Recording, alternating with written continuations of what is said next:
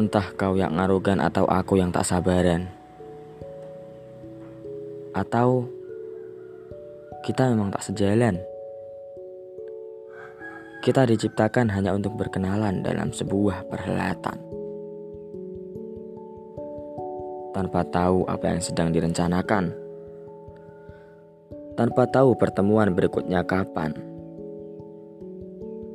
Setidaknya semua sudah kuungkapkan. Aku hanya perlu bertahan